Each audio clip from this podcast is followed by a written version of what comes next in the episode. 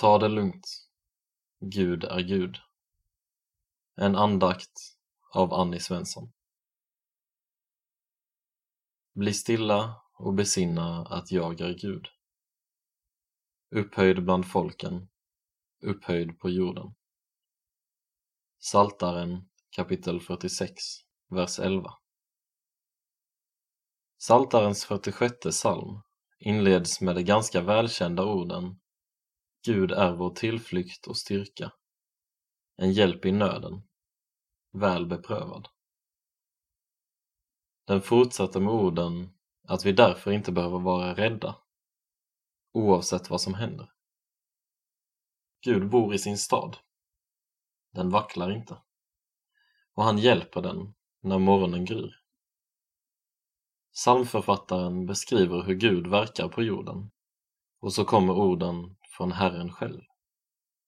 Bli stilla och besinna att jag är Gud, upphöjd bland folken, upphöjd på jorden. De orden sitter på mitt kylskåp.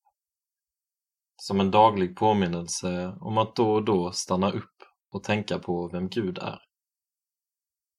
Det tror jag att många av oss behöver göra oftare. Uppmaningen att bli stilla fungerar ungefär som ett stopp. Var är du på väg? Vardagen rullar på och ibland springer vi så fort att vi nästan springer bort och glömmer Gud. Då kallar han oss tillbaka och påminner oss om vem han är. Upphöjd bland folken och upphöjd på jorden. En stor och mäktig Gud. Men att bli stilla är också ett ta det lugnt. Jag håller dig i mina händer. Det handlar om att ta emot den frid som Gud vill ge.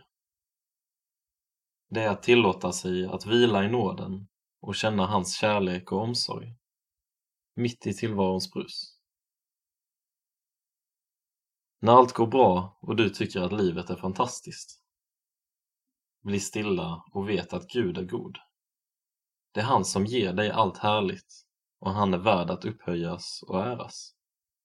Tacka honom. När du känner dig stressad, orolig eller ledsen. Bli stilla och vet att Gud har koll. Låt honom vara din tillflykt och styrka. Han håller. När du har en vanlig, lagom grå novemberdag. Bli stilla och vet att Gud är Gud. Han är hela världens Herre och han älskar dig. Det räcker så. Vi ber. Gud, tack för att du är god och mäktig och vill ha oss nära.